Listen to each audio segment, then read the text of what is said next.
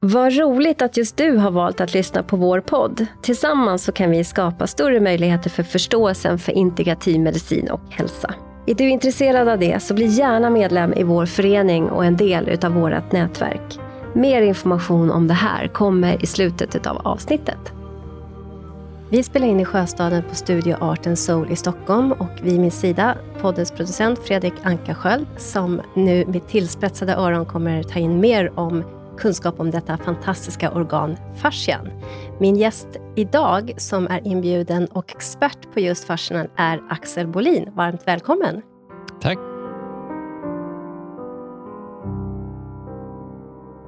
Axel, du är redaktör för The Fascia Guide och VD för Fascia Innovation Sweden. Du är också programledare för podcasten som heter Fasciaguiden och har ambitionen att ge kunskap om kroppen på ett enkelt sätt och har sammanställt en av världens största forskningsdatabaser om fascia som ni från ert företag presenterar på ett intressant och vad ska man säga, intresseväckande sätt genom filmer, podcast och artiklar. Och jag själv blev inbjuden till er när ni hade världspremiär för filmen om fascian. Det stämmer som var ju faktiskt helt fantastisk. Den var, jag har liksom, i, även i mitt yrke som psykoterapeut refererat till den filmen många gånger sedan dess. Vad roligt. Så, och den finns ju att ta del av, eller hur? Ja, precis. Man kan gå in på fasciaguiden.se fasciafilmen och så kan man beställa den helt eh, kostnadsfritt. Så det är fritt fram för mm. den som vill. Så det är ett hett tips och det, den innehåller kunskaper som vi säkert ska prata om idag, men som eh, Ja, det är ju forskare som ni har intervjuat också, som säger saker som man blir väldigt eh, upplyst av, skulle jag säga, särskilt som kvinna, eftersom forskare, men det här kommer, tänkte jag att du skulle få berätta lite mer om, men innan vi djupdyker i fascian så vill jag gärna fråga vem du är. Vem är Axel Bolin och hur kommer det sig att du blev så intresserad av fascian? Den korta historien är att jag blev hitlurad. Nej, men det var min, mm. pappa, min pappa kom till mig när jag var 19 och sa att han skulle starta ett företag inom, inom friskvård och han behövde någon som lärde sig internet. Och Jag var ganska, ja, jag var 19 år gammal. Jag tänkte så att internet är säkert, det är säkert framtiden på något sätt. Så att om jag lär mig internet så kan jag hjälpa honom att starta upp det. Alltså lär sig internet, det är dumt, men, men alltså internetmarknadsföring, hemsidor, sociala medier, hur man använder sig av det här och så. Om jag lär mig det och hjälper honom bygga upp det här, då kan jag jobba med det här sen och ha, det, ha nytta av det i mitt framtida liv, tänkte jag. Men sen mm. gick åren och vet, man kan ju inte heller överge sin pappa när han bygger upp någonting. Det är ju lite tufft att bara, hej då, nu drar jag. så. Mm. Eh, men sen var jag faktiskt på väg att göra det, för då hade jag jobbat med honom i sex år och så kände jag att nu, våren 2016, att nu, eh, ja, men nu är det dags för mig att åka iväg och göra någonting annat. Kanske bli managementkonsult eller något sånt där. Spännande, eller hur? Ja, men faktiskt. Då insåg jag att eh, jag redan hade mitt drömjobb.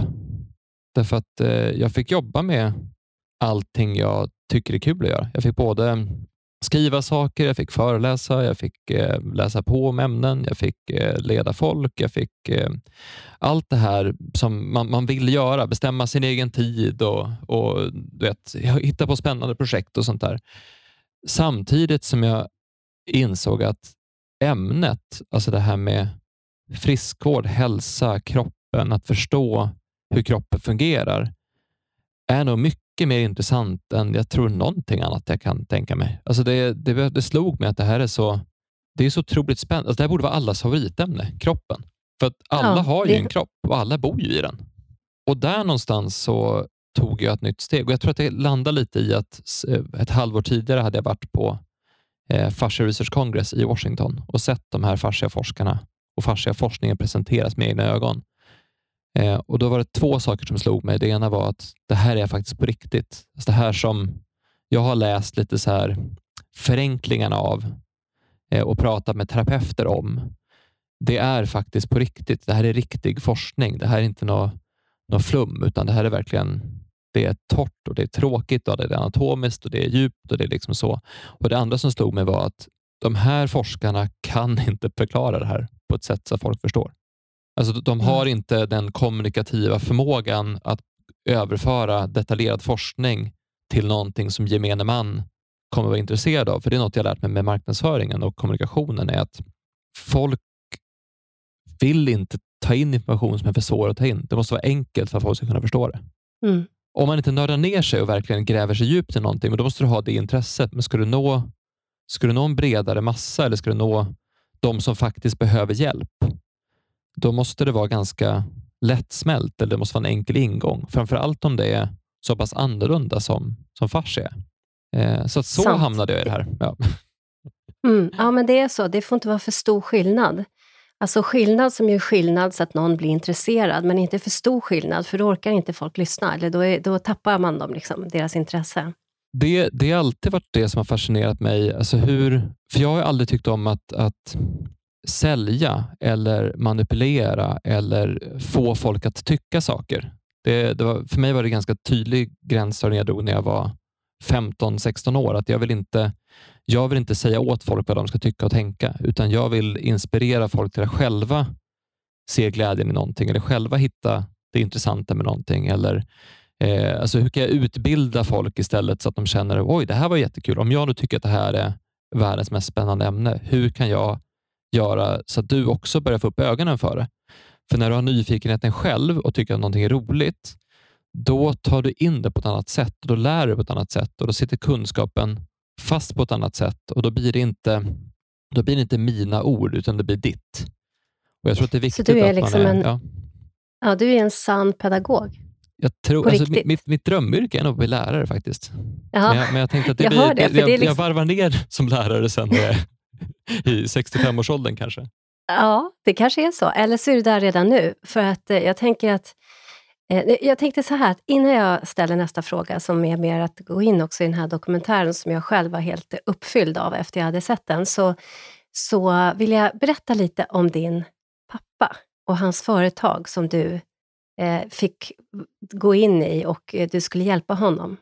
Vad heter din pappa? Kan börja där. Eh, min pappa heter Hans Bolin och det vi började med tillsammans våren 2010, det var resultatet av tio års eh, hopp och förtvivlan från hans del. För att han var inom finanssektorn och så sen så brände han ut sig och så insåg han att det här kan inte jag göra längre. Jag kan inte vara i den här, den här världen, jag måste göra någonting annat. Och Sen letade han i tio år efter vad han skulle göra.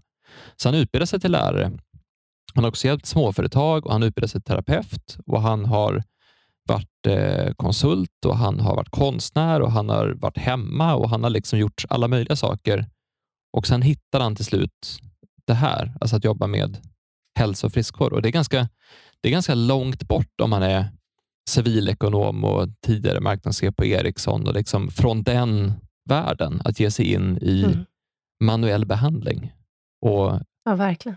den här typen av grej. Så, att, så att, eh, där kom idén ifrån och sen så har det bara varit att ja, men det här, alltså, vi har lyckats formulera det här ganska tydligt nu. Och det är, jag sitter just nu på sjunde våningen i vårt kontor i Sollentuna och tittar jag ut på torget utanför mig, jag behöver inte ens göra det, utan jag kan titta ut där så kommer jag se i alla fall 100 personer. Och Av de 100 personerna så kan jag se att i alla fall 95 eller 97 av dem har ont någonstans. För att har man sett tillräckligt många kroppar så kan man se att den där personen går lite konstigt eller den där personen har framåtböjda axlar eller den här personen har att man är lite obalanserad eller höften är sned eller, eller man tar sig för ryggen eller man, man haltar lite grann när man går. Alltså det är så fruktansvärt många människor som går runt och har ont. Eh, Så när man åker kollektivtrafik i Stockholm så kan man både bli deprimerad och inspirerad samtidigt. Alltså deprimerad över att så många har ont, men inspirerad över hur mycket jobb det faktiskt finns att göra. Och Det är någonstans har varit hela grejen. Alltså det är så många som har det är så många som har ont och som inte vet att det finns riktigt bra hjälp att få. Det är sant. Och det är många som söker och tar, tar behandlingar och sen så behöver man komma tillbaka. Det håller liksom en kort stund och så behöver man komma tillbaka och så, och så vidare. och så vidare. Så att det, finns, det är ju ett stort skriande behov, särskilt eftersom vi liksom sitter. De flesta av oss sitter och sitter och sitter. Inklusive jag själv, sitter och sitter och sitter. Och det gör saker med vår kropp som inte är så bra, eftersom vi ändå är nomader och behöver gå och stå och röra Mm. på oss i ganska hög utsträckning, i stor utsträckning. Ja, och Hans då, han har alltid varit han har alltid frågat sig varför ska det vara så här? Eller egentligen har han alltid tänkt så här att han har aldrig känt någon har säkert tänkt på det där och därför borde det inte gå. Utan han har alltid tänkt varför kan det inte gå? Kan man inte göra det här enklare? Om nu alla jobbar så här, varför kan man inte jobba så här istället? Om det nu är så att man inte vet det. Tänk om de bara inte har ställt den här frågan. Så att han började fråga massa, massa dumma frågor till smarta människor. Gång på gång på gång. Sen kom i kontakt med massa läkare, massa forskare och professorer alltihop och frågade men varför får man ont i ryggen? Vad beror ryggvärk på egentligen? Och De hade inget bra svar på det, så då fick han fråga fler personer och fler personer och fler personer. Så på det sättet har den här drivkraften i att men det kanske kan vara enklare. Det kanske kan vara på ett annat sätt. Eller det kanske går att lösa saker på, på ett annat sätt än vad man tror. Eh, mm. Så det, den drivkraften kommer mycket från, från honom. 2010 så satt eh, jag själv på, i vårt hemmakontor tillsammans med min dåvarande man Claes Nygren, som känner din pappa. Och då, hade han fått, då fick han ett mejl från, från Hans där han frågade om inte han ville, eh, om vi var intresserade, eller han, Claes ville vara på något sätt intresserad av att hjälpa till med någonting. Jag tror att det var Atlaskotan.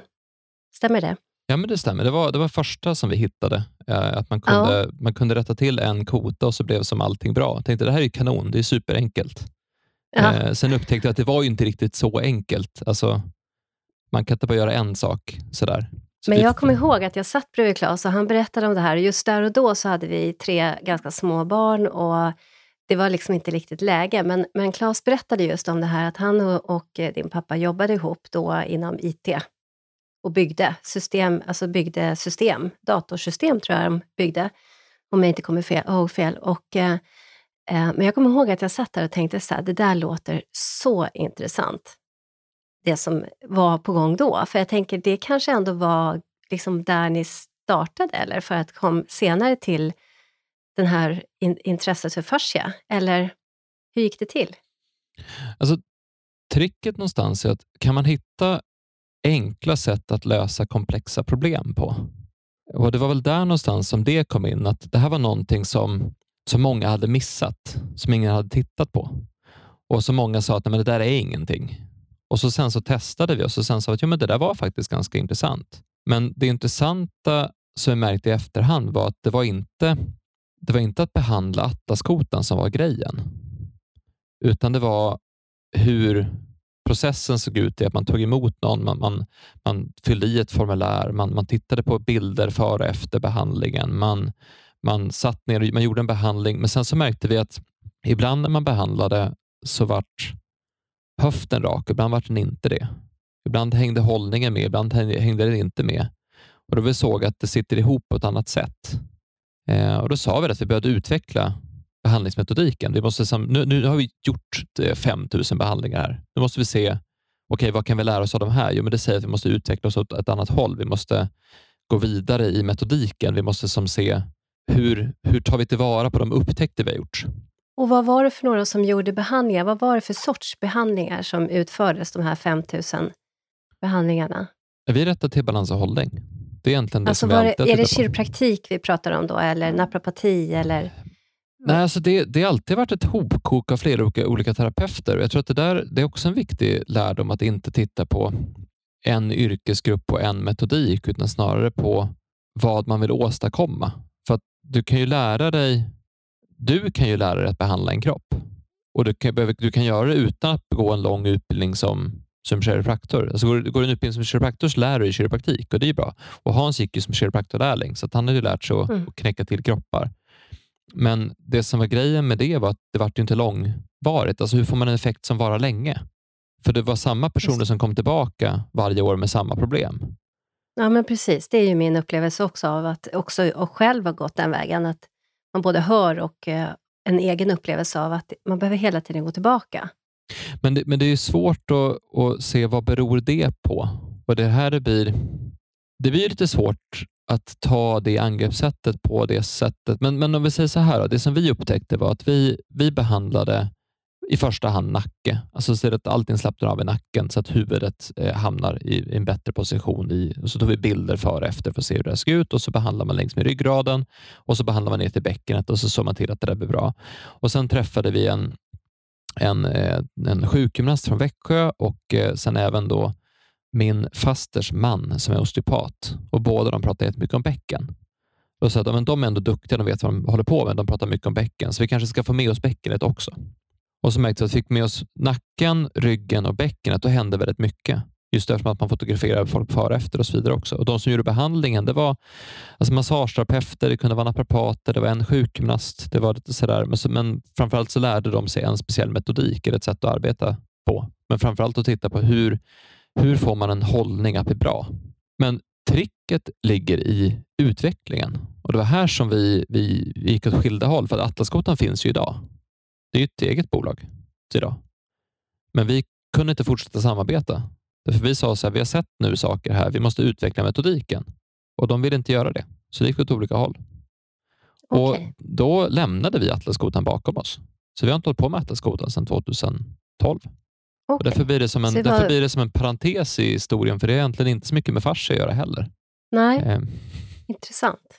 Men var det så att säga den här, för det, det, det jag tycker att jag hör dig berätta, och den, det sympatiserar jag ju med enormt, det är den här systemmedicinska approachen till kroppen. Alltså att, där, att det, det är flera och också att jobba tvärprofessionellt, tvärvetenskapligt. Det är där vi hittar liksom, eh, läkning för mer det kroniska, eller det komplicerade.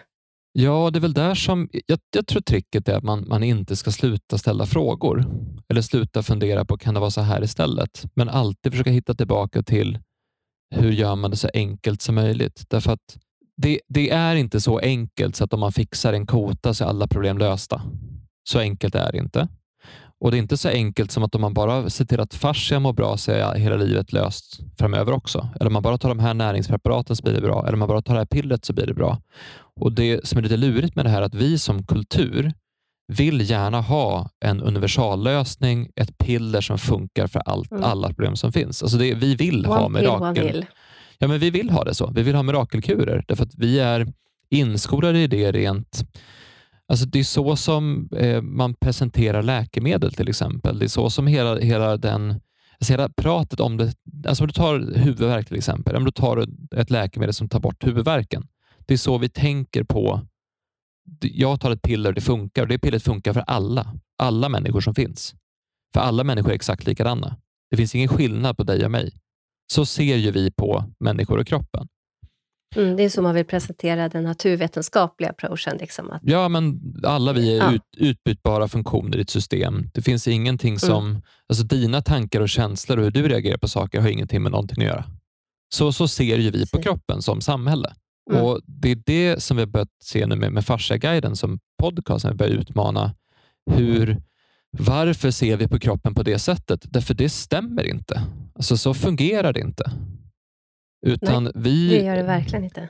Vi reagerar på olika sätt. Om du tar det här med att spela in podcast till exempel. Jag tycker det här är ganska lugnt och tryggt. Och jag, det spelar faktiskt inte, inte stor roll vad jag säger, för jag känner att det blir säkert bra i alla fall. Eh, och Camilla som jag spelat in eh, över 60 avsnitt med, hon är supernervös fortfarande när hon spelar in podd. Så för henne blir det här en jättestressad situation och för mig så är det ganska lugnt. Men det är samma mm. situation. Som vi, så två personer sitter i samma rum under samma inspelning, samma energi, samma samtalsklimat, men en är stressad och en är inte det. På samma sätt som att vissa står på scenen och tycker det är helt fantastiskt och vissa står på scenen och är livrädda. Där är vi ju väldigt synta, för det är ju så vi ser från integrativ medicin också, att vi, vi ser det här system, systemkomplexa och även också utanför kroppen, att vi tänker att, eh, eller man vet ju också att, att eh, vårt rent psykologiska, vi har hela tiden pejlar ju av allting runt omkring oss. Jag brukar säga till, till mina patienter till exempel, för att förklara hur mycket vi registrerar runt omkring oss, är att vi kan ju gå och titta ner i våra mobiltelefoner på en... På, vi går på en trottoar och så, så går vi och tittar ner och så, så kanske det kommer en lyktstolpe eller en stolpe av någonting och vi registrerar den. Vi kliver oftast inte rakt in. Det kan ju hända att vi gör det, men oftast så gör vi inte det, utan vi registrerar att den där kommer och så, så väjer vi undan, även fast vi sitter och tittar ner i mobiltelefonen. Och det här brukar ju de flesta känna igen, att vi liksom vi påverkas både av det som pågår på inre bana, men vi påverkas också av det som på yttre bana. Och det är också helt unikt, precis som du säger. Och där tillbaka till, för det som jag tror är kärnan i berättelsen. För jag, jag tycker det, jag vill inte förknippas med Atlaskotan längre. Därför okay. jag, tycker, jag tycker inte om det sättet att se på kroppen. Att det är en sak Nej. man fixar och sen är det bra. För det, det, stämmer inte. Det vi gjorde då som behandling hjälpte många människor, absolut. Men det var, vi märkte också det att vi trodde att fixar man det här så är det fixat, sen är det klart. Men folk kommer tillbaka ändå. Inte lika ofta som de hade gjort på, när Hans var kiropraktor eller så, men, men, men folk kom tillbaka. Och Varför då? Vad är grejen i det här? Och När man då går vidare från det då, och, och tar, tar till de lärdomarna, då, då kan man lära sig någonting nytt Det utvecklas åt ett annat håll. Och jag tror Det är också någonting som jag tror vi är lite fast i som samhälle. Att vi, man tänker att har jag stått för någonting en gång, då står jag alltid för det här. Eller har jag tyckt någonting så tycker jag alltid det här. Att, att vi tänker att, att åsikter och idéer är statiska. Men det är ju inte heller, utan allting utvecklas ju precis hela tiden. Jag är en helt annan person idag än jag än jag var för 12 år sedan. Alltså på jättemånga mm. olika sätt. Och det är ju du också. Mm. Så vi utvecklas hela tiden, men varför, varför har vi så svårt att se det? Varför tror vi att saker är statiska?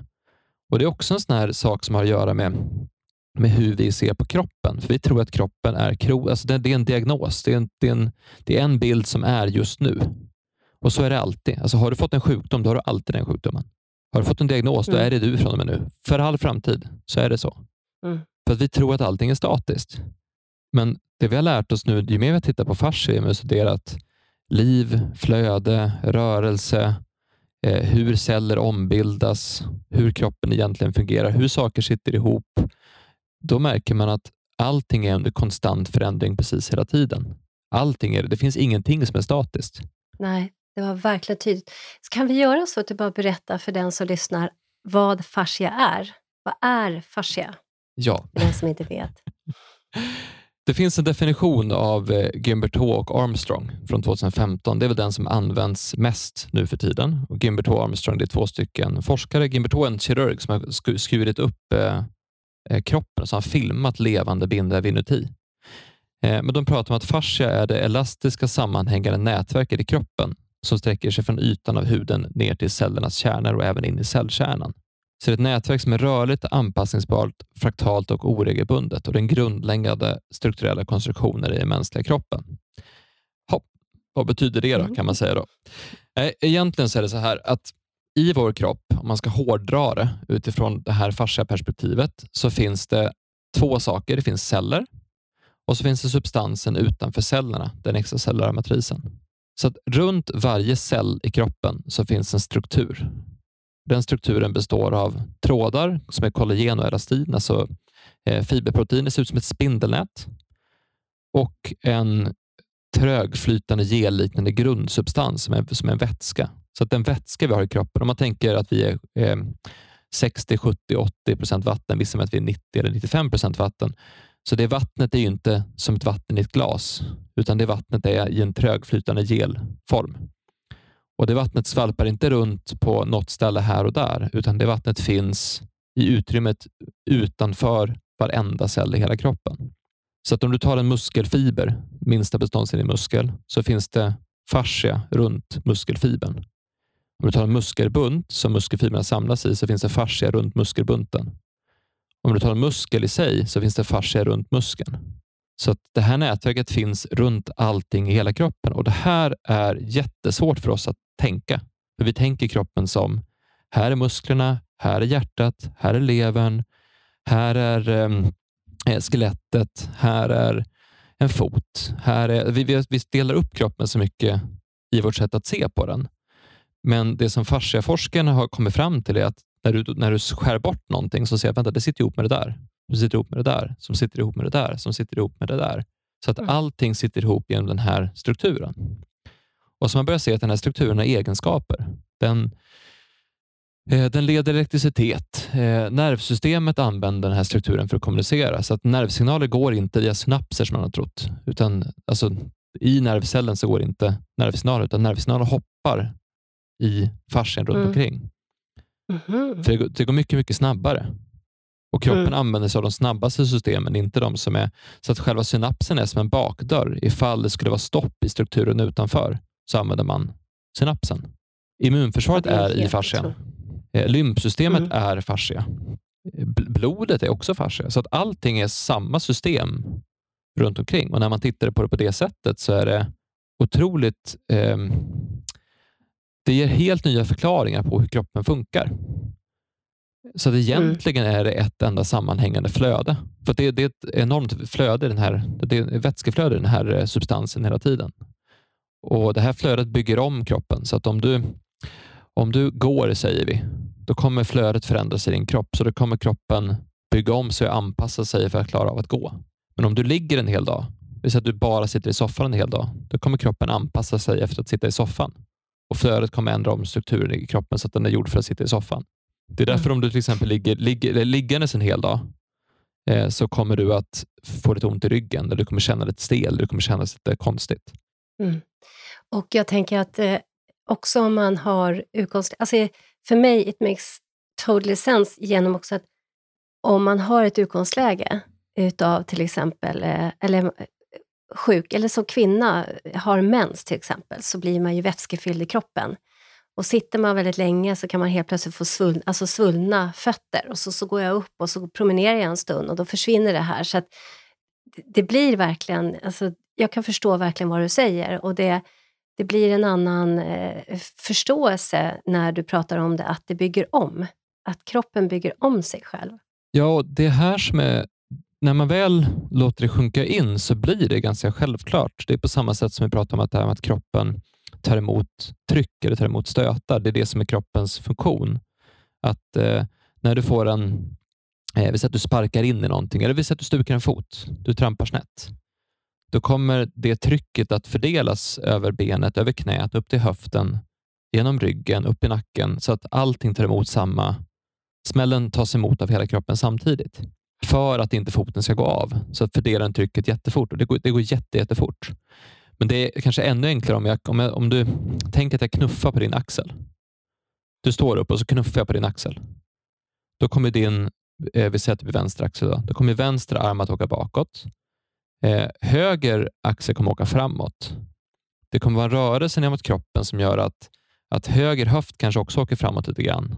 Och Den här knuffen på vänster axel kommer du att märka av i höger fot. Så att den fördelas över hela kroppen samtidigt. Alltså det är så vi är byggda och det är inte konstigt att vi är byggda så, för det är otroligt, ett otroligt effektivt sätt att ta emot stötar och ta emot tryck. Mm. Så när man väl sätter ihop det så blir det väldigt, väldigt logiskt och självklart. Men mm. tricket är att, att få här, den här kunskapen att gå in i den kunskap vi haft om kroppen sedan tidigare. Och Det här blir problematiskt därför att fasciaforskningen, kunskap om fascia, bygger på att kroppen är levande. Men traditionell klassisk anatomi bygger på att kroppen är död. Mm. Och det blir svårt.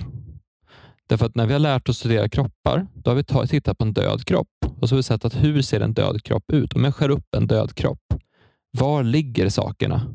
Var ligger hjärtat? Var ligger organen? Var ligger lungorna? Var ligger levern? Hur ser det ut emellan dem? Men en levande kropp ser inte ut så. Det är inte lika organiserat som en död kropp, därför att den lever. Och emellan allting så är det här vätskeflödet och de här spindelnät, spindelnätsliknande trådarna. Men de ser du inte på en död kropp, därför det sjunker ihop när flödet försvinner. Mm. Så det, det har forsat massa vatten, som är livet. Och så slutar livet att forsa, så det stannar av. Då kommer ju eh, utrymmet där livet var sjunka ihop så att det inte syns längre. Just så när du studerar en död kropp så kan du inte förstå livet. Det är liksom... Och vi vet det här. Vi, alltså om, om det var en person som låg död framför oss så skulle vi se att det var en död person. Mm. Och Vi skulle se att den där är inte som vi. Det är inte som du och jag. Det är någonting, an, det är någonting annorlunda med den här döda varelsen här jämfört med hur jag är och hur jag känner mig. Mm. Mm. Är jättetydligt. Jag har jobbat som med palliativ vård och varit med vid många dödsögonblick. Det är väldigt, väldigt tydligt att det, att det händer någonting snabbt. Det är upplevelsen av att det är någonting som lämnar kroppen, men eh, det händer ju någonting. Och vissa människor ser dö, liksom mer döda ut fort och andra tar det lite längre tid. Men det är ju jättetydligt med när en människa, människas kropp dör. Men det häftiga med att titta på, om man tar det här fullt ut, det med att se en levande kropp. Och Det har väl vi gjort kanske i Fasciaguiden mer än vad fasciaforskarna gjort eftersom att vi, vi sitter och sammanställer, vi forskar ju inte själva, så vi sammanställer det som andra har forskat kring. Och istället för att då som, som en forskare som heter Carastecco, som är italiensk professor i anatomi, anatomi som är en av Kvinnlig de ledande. professor, eller hur? Vad sa du? En? Hon är en kvinnlig professor. En kvinnlig professor, precis. Mm. Eh, hon har ju studerat jättemycket på eh, olika saker. Framförallt har hon tittat mycket på hormoner, hur de påverkar fascian. Vi kommer komma in på det alldeles strax. Men det som, när hon då har hittat en sak, vi säger att hon har hittat hur östrogen bygger om eh, strukturen på kollagen typ 1 till kollagen typ 3. Så. När hon har forskat klart på det, då kommer hon vilja titta på hur ser eh, blodkärlen ut i hinnan i en hjärna. Så när vårt filmteam var filmade, då höll de på att dissekera en hjärna och så tittade de på när, när vid en whiplash-skada till exempel så kommer den här strukturen påverkas på det här och det här sättet. Då är hon inne och gräver i liksom, alltså en kropp. Alltså hon är inne och tittar på en dissekerar Och då är det en död fascia. kropp. Ja, precis. Men, hon, det det, men, mm. men det, det ligger inte i hennes vardag att sätta sig ner och diskutera vad det här innebär i kombination med Neil Tees forskning om eh, självorganiserande system och fascia som han har i USA. Eller om eh, eh någon annan person som har gjort något, eller om eh, eh Pollacks forskning kring vatten och hur vatten förändras. Inte ens hennes bror som håller på i New York, Antonio Stecco, som håller på att titta på hur hyaluronsyra eh, kapslar in sig själv och bildar som en, en fibrös tät vävnad när det blir stopp i flödet. Det, det, skulle hon och han kunna sitta och snacka om och se vad skulle det här innebära för människor som, som är stressade.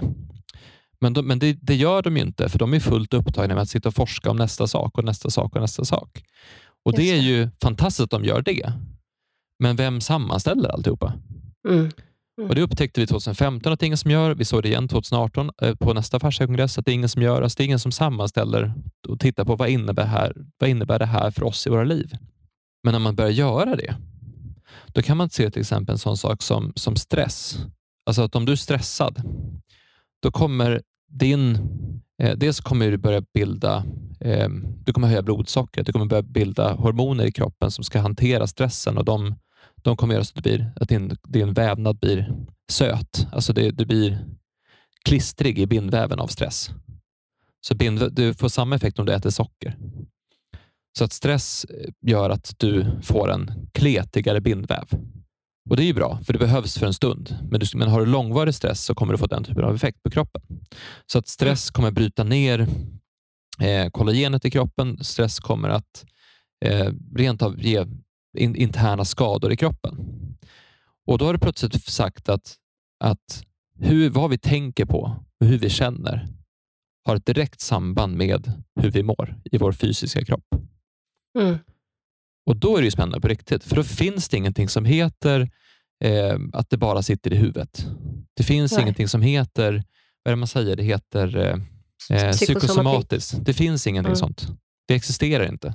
För att allting händer i kroppen. Och Då börjar det bli intressant på riktigt, för då kan vi börja prata om, om tankar, känslor, välmående, ångest, eh, psykisk ohälsa, att det också sitter i kroppen. Mm. Och Då kan vi börja hitta en annan lösning till det. Mm. Och Det här blir spännande på riktigt.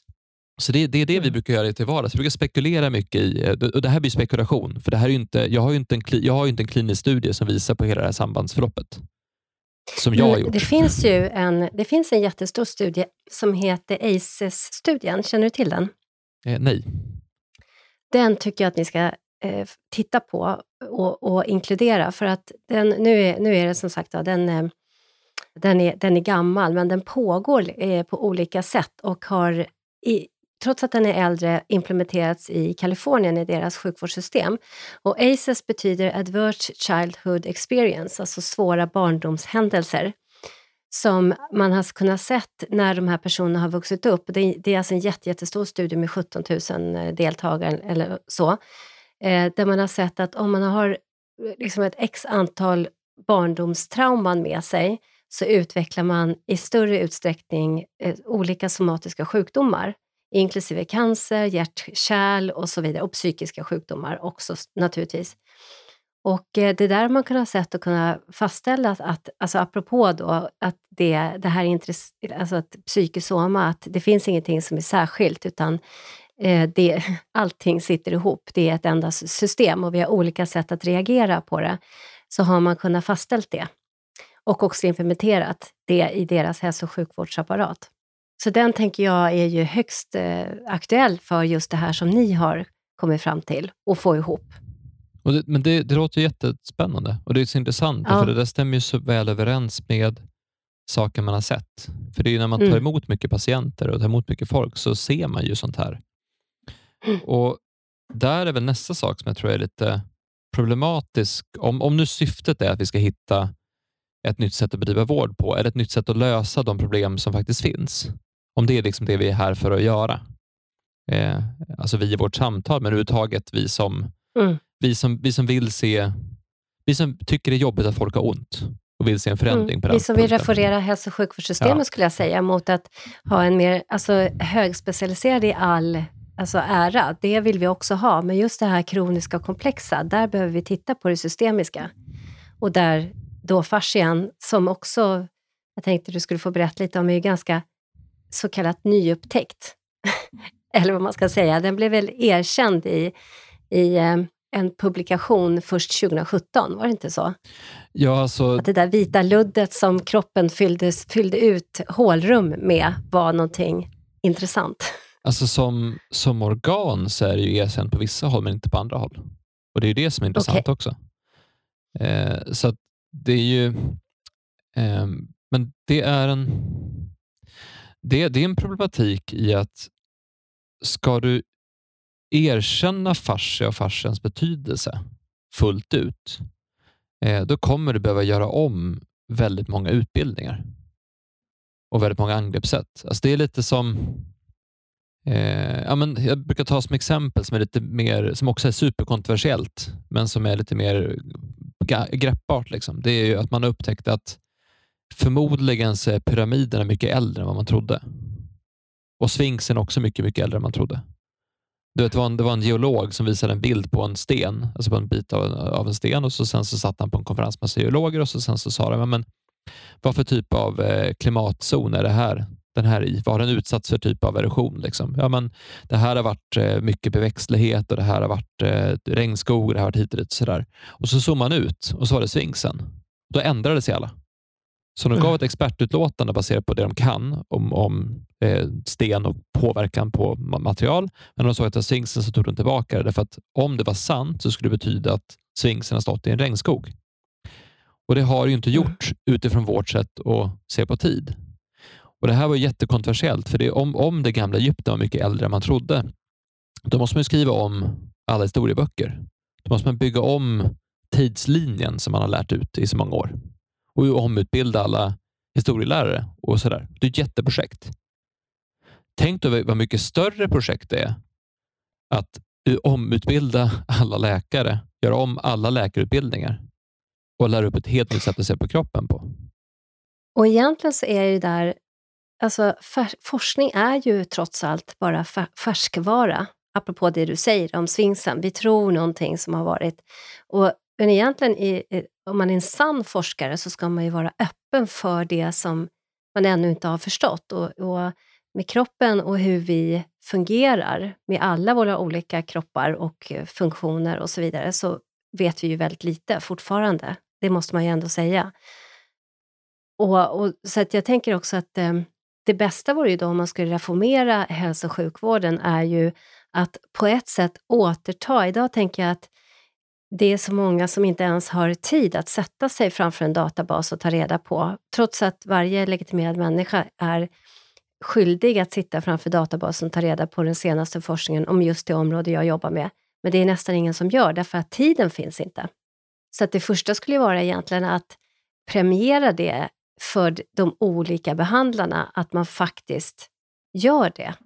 Till exempel sätter sig framför den här äh, stora databasen ni har skapat om fascia för att ta reda på en ny. Och på så sätt så skulle det, det är ju en form av vidareutveckling. Liksom, eller vidare, att istället för att gå på en kurs så kanske man sitter några timmar varje vecka framför en databas och tar reda på saker som kommer. Jag tror att för forsk forskarna gör ju det. Alltså de som är forskare inom forskning till exempel. Och Det kommer ju nya personer dit från olika områden hela tiden. Och Det är framförallt när man kör, alltså när man ser någonting, när, när observationerna man gör inte stämmer överens med den idé man hade. Det är då det, det väcks någonting i en. Att det här det måste vara på ett annat sätt och, och, och då hittar man den För så var det med Neil Thies som är en, en, en leverpatolog, att han såg ett nytt, man har tagit fram ett 3D-verktyg för att mäta, eh, det var ett blodkärl som gick in i levern. Och då var det, de, de var bara sett i 2D tidigare, men nu kunde de se det i 3D. Och när de såg det i 3D så såg han att vänta, det här ser inte ut som vi trodde att det såg ut. För att alltså, i 3D ser det annorlunda ut. Vad, vad är det här för någonting? Då såg han någonting som han inte kände igen, som han inte visste vad det var för någonting. Och så försökte han få den här artikeln publicerad och det gick inte. De sa att han höll på i två år för att få den publicerad. Och De sa att det, det, är en jättevälgjord studie och det är jättebra, men våra läsare skulle inte vara intresserade av det här. Därför det är för, det är för annorlunda. Och Han mm. var jättefrustrerad. Var, varför, är det, eh, varför är det så? Och Det var då han började hitta fasciaforskningen och började komma dit istället och började driva den vidare. Ehm, var det fascia han hade sett i sina prover? Det var något som de inte heller visste vad det var. Men, men, mm. men genom fascian kunde han förklara på ett annat sätt. Då kunde han se en annan typ av, av mönster kring det. Och Sen tror jag att han var så intresserad av det andra han såg med fascia, så han började titta mer på, på det istället. Alltså det, en, en, ett, en kant av ett blodkärl blir inte lika intressant när du upptäcker att det finns en helt annan struktur i hela kroppen mm. och, att den, och att den fungerar på ett annat sätt.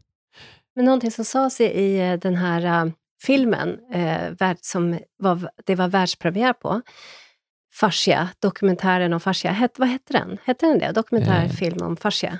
Eller? Fascia, kroppens nätverk utan början och slut. Mm. Carla Stecco. Ja.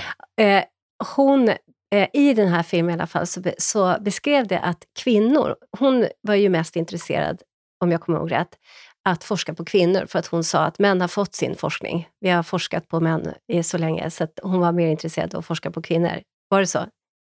Jo, men lite så. Hon forskar ju och annat också såklart också, men, eh, mm. men det, hon, det hon upptäckte var att hormoner, framförallt östrogen, eh, men även andra könshormoner, har en effekt på kollagenproduktionen.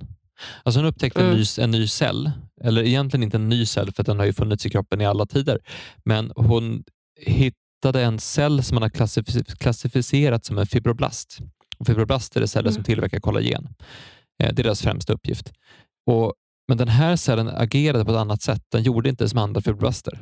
Och då upptäckte att den såg faktiskt annorlunda ut och den producerar snarare hyaluronsyra som är ett av de här glidmedlen som, som grundsubstansen består av. Så att Enkelt sagt så kan man säga att fibroblasten tillverkar trådarna och eh, den här nya cellen tillverkar vätskan. Eh, I fascian? I fascian, ja, i kroppen då, för den delen. Eh, mm, ja. Och Då upptäckte hon att det, det är faktiskt en ny cell. Den, är, den har egenskaper som inte den andra har. Den, den ser ut på ett sätt som inte den andra har. Så den, hon döpte den till fasciacyt. Eh, de tyckte den skulle heta steckocellen, men hon, var, mm. eh, hon sa att den får heta fasciacyt istället. Och när hon då upptäckte det, då började hon säga, vad är det mer som vi kan se? Vad är det, som, vad är det mer för egenskaper som fibroblasterna och fasciacyterna har? Och Då såg hon just det här att de påverkas av av östrogen bland annat och då gjorde de, de tester kring det. Och Då såg hon bland annat att eh, under menscykeln så, eh, eller ska man säga menscykel? Bäst att säga kvin, kvinnliga ja. cykeln kanske? Menscykeln, tycker alltså, jag man kan säga. Vi ska fokusera ja. på, är det inte bättre att säga ägglossningscykeln? Apropå cykel, kvinnans cykel. Apropå ja. fokusera på det levande eller det döda.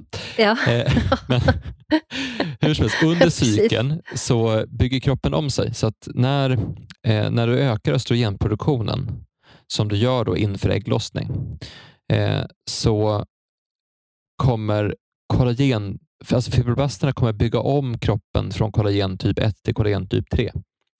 Eh, så mm man tar ett kollagen och bryter ner det, så bygger man upp det till en annan typ av kollagen. Varför den gör det, det kan man fortfarande bara spekulera i, men, men skillnaden i egenskaper är att kollagen typ 1 är mycket eh, starkare och det är liksom längre, eh, längre kollagentrådar. Det är längre molekyler som sitter ihop med varandra. Det, det är längre kedjor av aminosyror.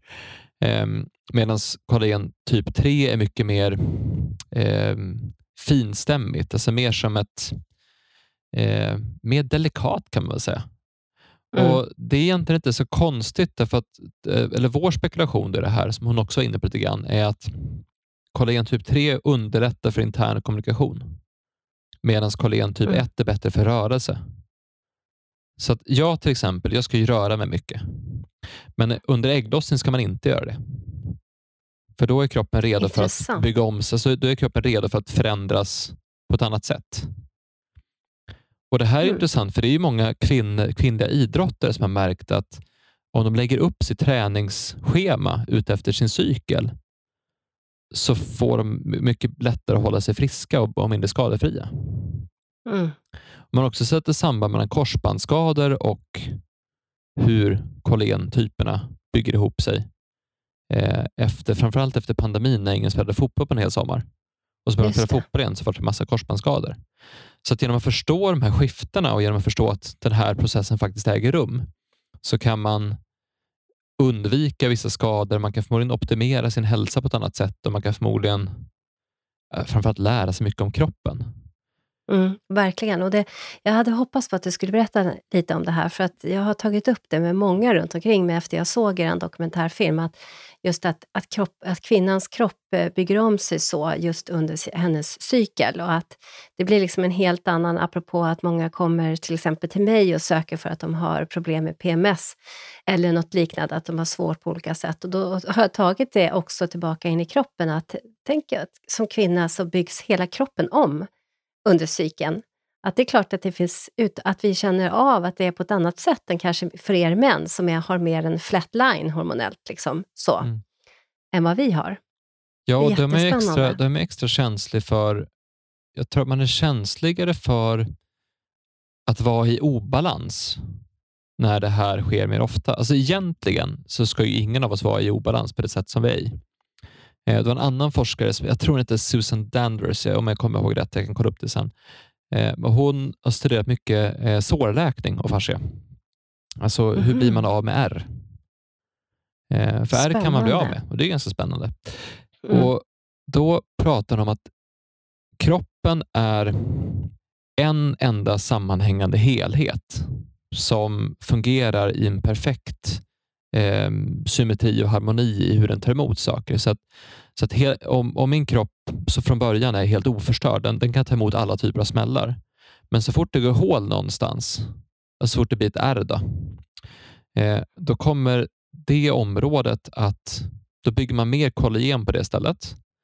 Men det är vad man ser utåt, att det blir mer vitt. Men på insidan så har det här blivit en, en förhårdnad och en förändring i strukturen som för alltid har förändrat hela kroppens eh, system, hur kroppen sitter ihop. Så att mm. en skada kommer för alltid att förändra hela kroppen. Det som var helt har nu gått sönder. Mm. Och då blir ju, Det blir en förklaring till, till varför problem uppstår på ett annat sätt. Så att du har ett, ett konstant perfekt fungerande flöde. Men sen blir det stopp i det här någonstans. Och blir det stopp på ett ställe och, och det inte liksom åtgärdas, då blir det snart stopp på till, för då blir det överbelastat någon annanstans. Och så blir det överbelastat någon annanstans. Det är ungefär som tänk dig en, en trafiksituation. Att du har jättemånga vägar och så blir det stopp. Det, det är jättemycket vägar och det är två filer överallt. Och så blir det stopp på en av vägarna. Då kommer ett gäng bilar ta en annan väg istället. Men så händer en olycka där också. Då kommer de behöva ta en till väg. Och Sen ska alla plötsligt åka på semester samtidigt. Då blir det massa bilar på det stället. Så det, det, ju, mm, mer, ju mer stopp det blir, desto sämre blir trafikflödet. Och Om man då mitt i allt det här ska göra någonting, om vi säger att alla plötsligt ska åka till samma ställe, eller att alla, alla ska byta till, till vinterdäck samma dag, som nu i Stockholm när det kommer så extremt mycket snö. Mm. Då ska alla byta till vinterdäck samma dag. Då finns det inga tider att få. För då skulle alla göra det samtidigt. Och Det är lite så att när, när väl när väl kroppen då ska byggas om, om det är för mycket saker som kroppen håller på att ta hand om, alltså för mycket obalanser, för mycket eh, småsår, för mycket tryck som har samlats någonstans, då kan det bli svårare att bygga om sig. Och därav kan du få eh, problem eller ont eller huvudvärk eller bli trött eller, eller någonting sånt. Men hur, berätta lite mer om, du sa så här, eh, ärr kan man bli av med. Mm. Hur? Berätta. Det är ju jättespännande. Ja, det, det, är mycket man kan bli av med. Eh, nej, men det, det är En ärrbildning är kroppens sätt att täppa till ett hål i flödet. Eller ett hål i det, system, alltså det som har blivit. Eh, så dels, även om du skulle få liksom ett, att du får ett rivmärke eller någonting sånt där. Eh, men det där går att bygga om genom att du ökar flödet. För att om du förändrar flödet i kroppen, då kommer kroppen att bygga om sig efter det. Det har faktiskt ett helt avsnitt som handlar om sårläkning, men jag ska se om jag kan förklara på ett annat sätt. Um, Var i, i, på, alltså, i, i din i egen podd? Ja, precis. I, ja, mm. Så att det, den som är intresserad av det, inklusive jag själv, kan lyssna där ja, också om men, sårläkning. Det heter ja, sårläkning. Men, men, men egentligen kan man säga så här, att vi har ju hört att vi är vad vi äter. Eller hur? Det känner du till. Mm. Du är vad du äter, var ju till och med på tv-program. Mm.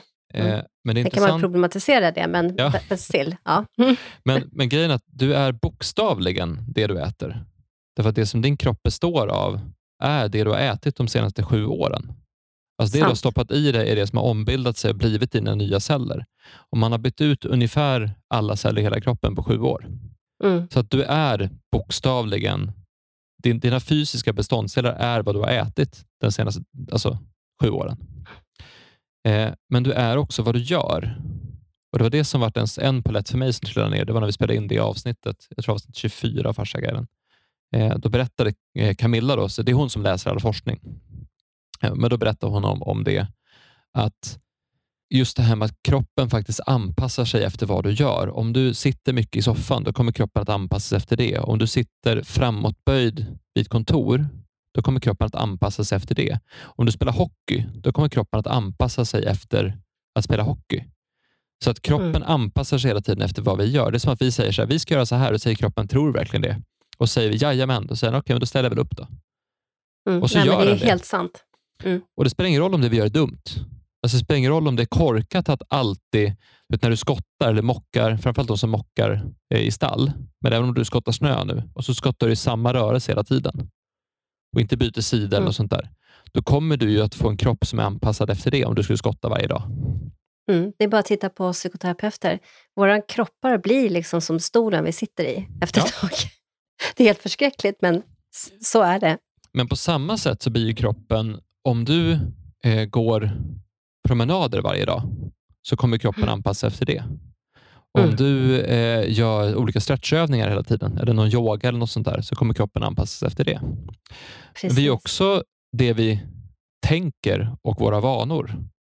Så att om du, eh, om du alltid varje morgon vaknar upp och tänker vilken, vad kul det är att leva, så kommer det påverka dig och din kropp. Eller om du vaknar upp och tänker så här, fan ska jag gå till jobbet igen?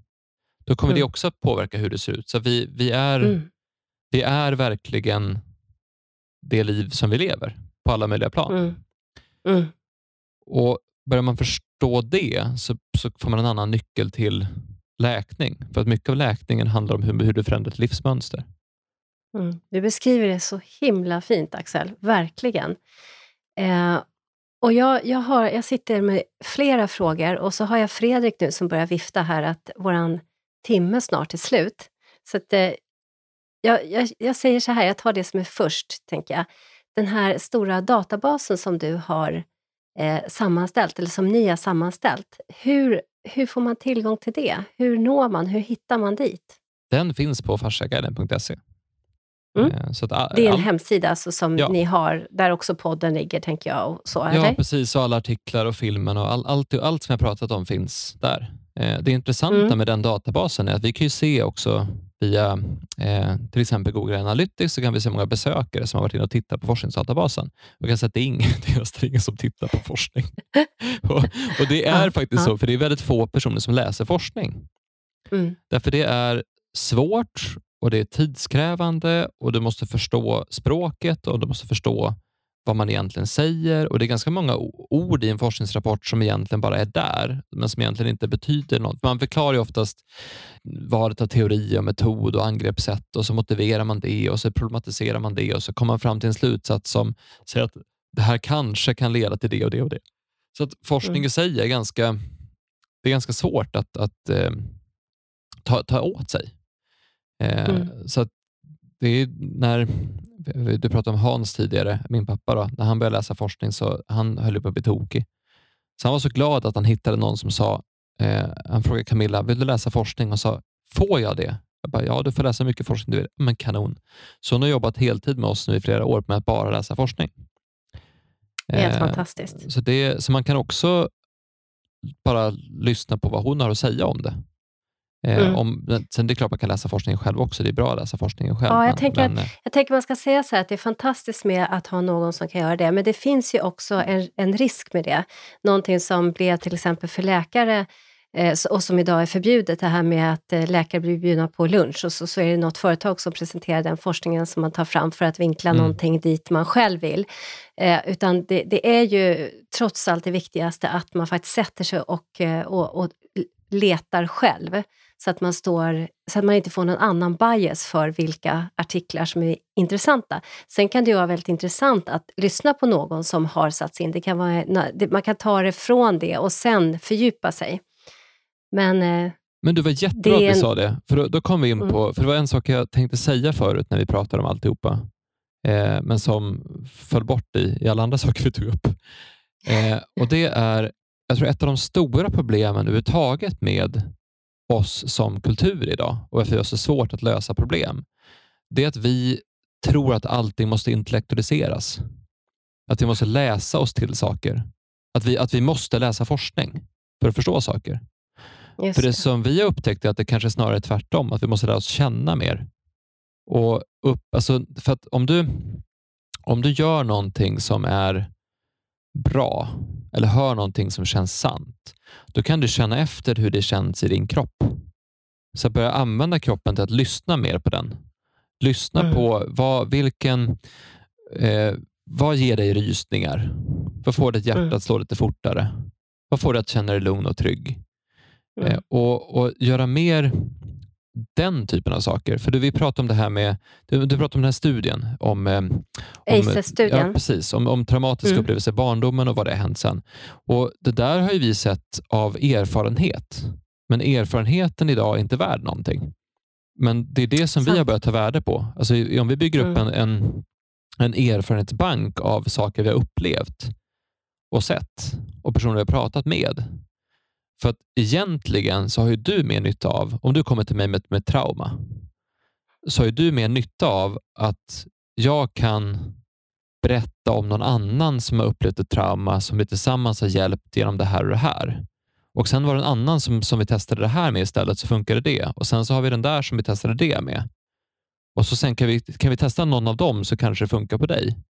Det har ju du mer glädje Precis. av än att jag mm. läser mm. en studie som har tittat på hur eh, tusen stycken random personer har fått hjälp med den här och den här metoden. För det är, jag har inte varit med och gjort den studien. Jag har inte varit med och, och testat den metoden. Så att vi, vi litar för lite på våra egna sinnen och vi lyssnar mm. för mycket på det här, det här objektiva. Och Det är ju egentligen den naturvetenskapliga approachen som har, gjort, som har fört oss in i eh, det här. Att, att, eh, att, att inte erfarenheten är liksom betyder någonting.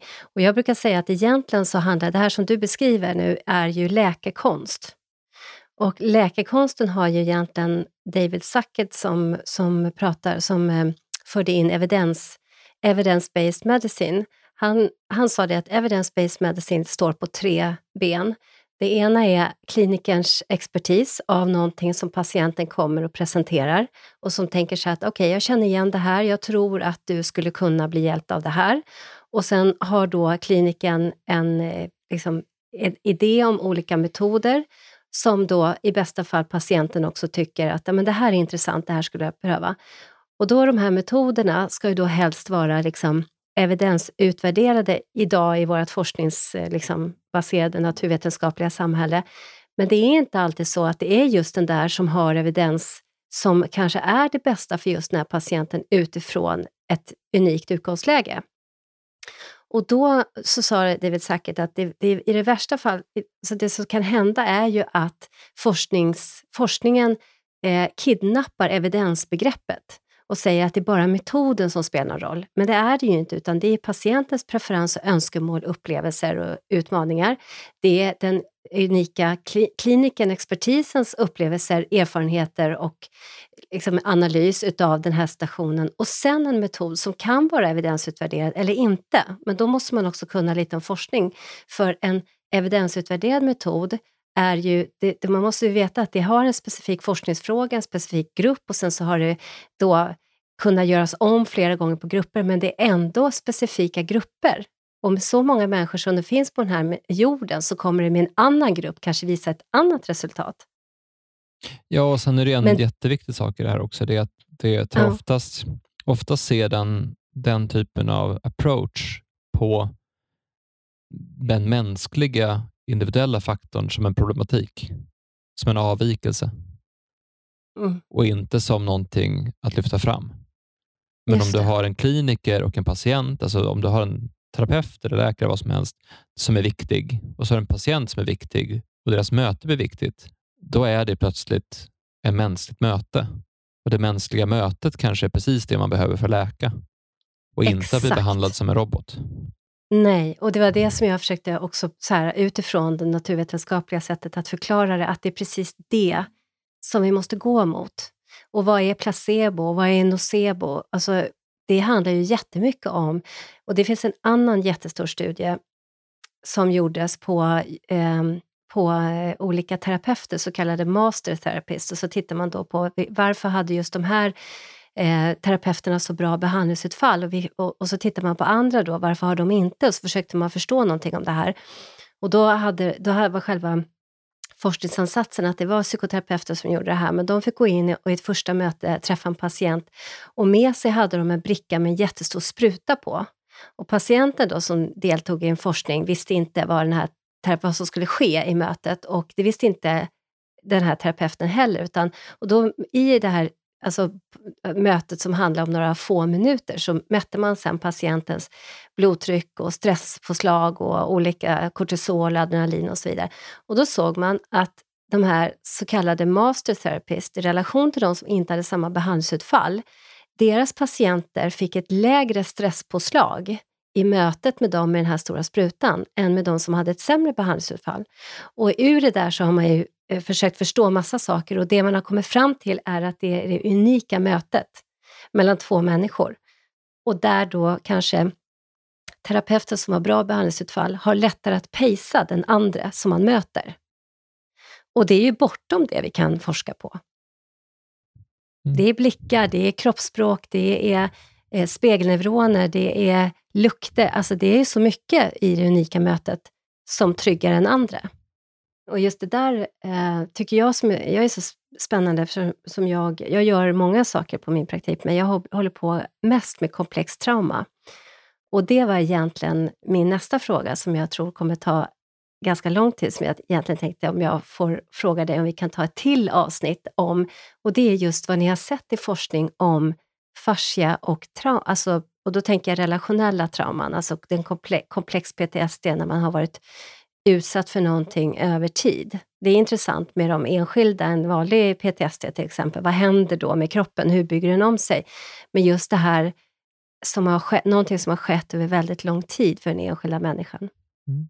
Men det låter som ett bra uppföljningsavsnitt att prata lite grann om... För jag, jag sa ju att det häftiga nu som vi har kunnat se så konkret, framförallt då med stress, det är hur tankar och känslor faktiskt sitter i kroppen. Ja. Och Det vi har märkt, eh, dels forskningsmässigt men framför allt erfarenhetsmässigt, är att trauma faktiskt sitter i kroppen. För det är också min erfarenhet som terapeut och har jobbat med så mycket. Man kan inte jobba verbalt med en människa som har en, en problematik med komplex trauma, utan du retraumatiserar oftast personen om du ska prata dig igenom det här som har hänt, utan du måste gå och prata med kroppen, göra mm. saker med kroppen och sen kanske gå bort i det visuella. Men det sitter i kroppen. Mm. Och Det kan vi säkert så prata det... en timme till om. Så det kan vi göra. Ja, men mer än gärna. Finns det i er databas om det? Eh, det Redan? finns en hel del avsnitt om det. Eh, så vi, vi gör ju så att vi tar ju Camilla läser forskning. Det är, det är vårt upplägg i vår podcast. Är så att Camilla läser massa forskning och så frågar jag henne på måndagen. Aha, vad har du läst nu då? Vad ska vi prata om? och så sen säger ja, vi, vi kan prata om det här. Okej, då tar vi det på fredag eller på torsdag när vi brukar spela in. Eller så säger jag så här, vi har fått massa frågor om det här. Vad tror du om det? Och så hinner hon läsa på det till torsdagen. Och Sen så presenterar hon eh, vad hon har läst, vilken forskning hon har läst. Eh, och Sen så kommer Hans in och berättar om olika behandlingsfall han har sett. Och så knyter jag an det här till, till eh, lyssnarna eller till erfarenheter eller till eh, andra saker vi har hört eller samtal vi har haft och så vidare. Och Det är, liksom, det är så vårt upplägg ser ut. Eh, så vi pratar om, om allt egentligen. Och nu, sen har vi även en, en eh, doktor i humanekologi som heter Per Johansson som är med.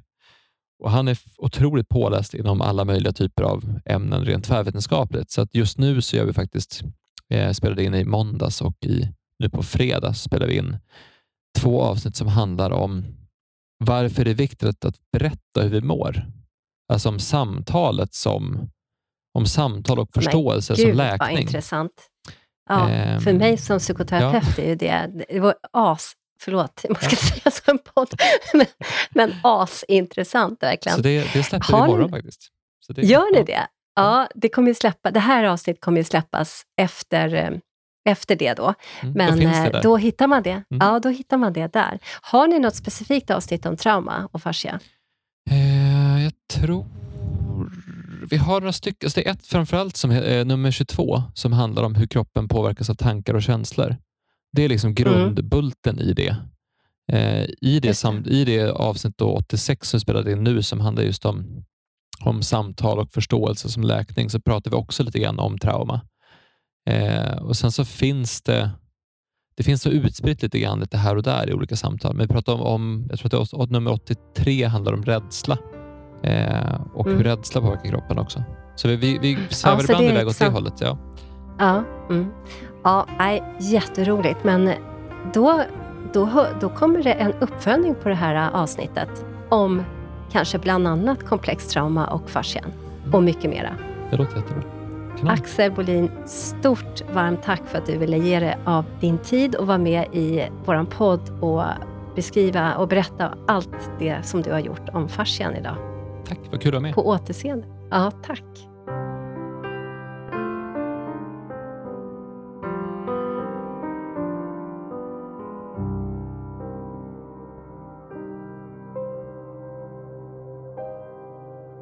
Både och istället för antingen eller, en podd om integrativ medicin och hälsa är skapad och drivs av Svensk förening för integrativ medicin och hälsa, FIM. FIM är ursprungligen en yrkesförening för legitimerad vårdpersonal. Vi representerar sjuksköterskor, dietister, fysioterapeuter, läkare, psykoterapeuter, psykologer, tandläkare för att nämna några. Idag omfattas våra medlemmar även av associerade medlemmar som inte behöver vara legitimerade. Föreningens arbete vilar mot den vetenskapliga grund för integrativ medicin och hälsa som finns, såväl svensk som internationell och på systemisk förståelse av människan i sin miljö. Vår förenings arbetssätt har hittills varit att arrangera konferenser, seminarier och folkbilda genom att sprida information, exempelvis via sociala medier. Vår strävan inom integrativ medicin är att vara en organisation som vågar lyfta och ifrågasätta, motverka polariseringar genom tvärvetenskapliga dialoger och sokratiska samtalsregler. Vi vill kartlägga forskning som bedrivs, även internationellt, och hålla koll på aktuella forskningsresultat om behandlingsmetoder, både vad det gäller den etablerade vården liksom den vård som bedrivs utanför den etablerade vården. Sokratiska samtalsregler innefattas i den sokratiska samtalsformen som egentligen all grundläggande kunskap är sprungen ur, men som ibland till och med lyser med sin frånvaro i dagens public service. Så bli gärna medlem hos oss, för tillsammans kan vi förändra. Och hur du blir medlem hittar du via vår hemsida integrativ-medicin.se. Vi ses och hörs i nästa avsnitt.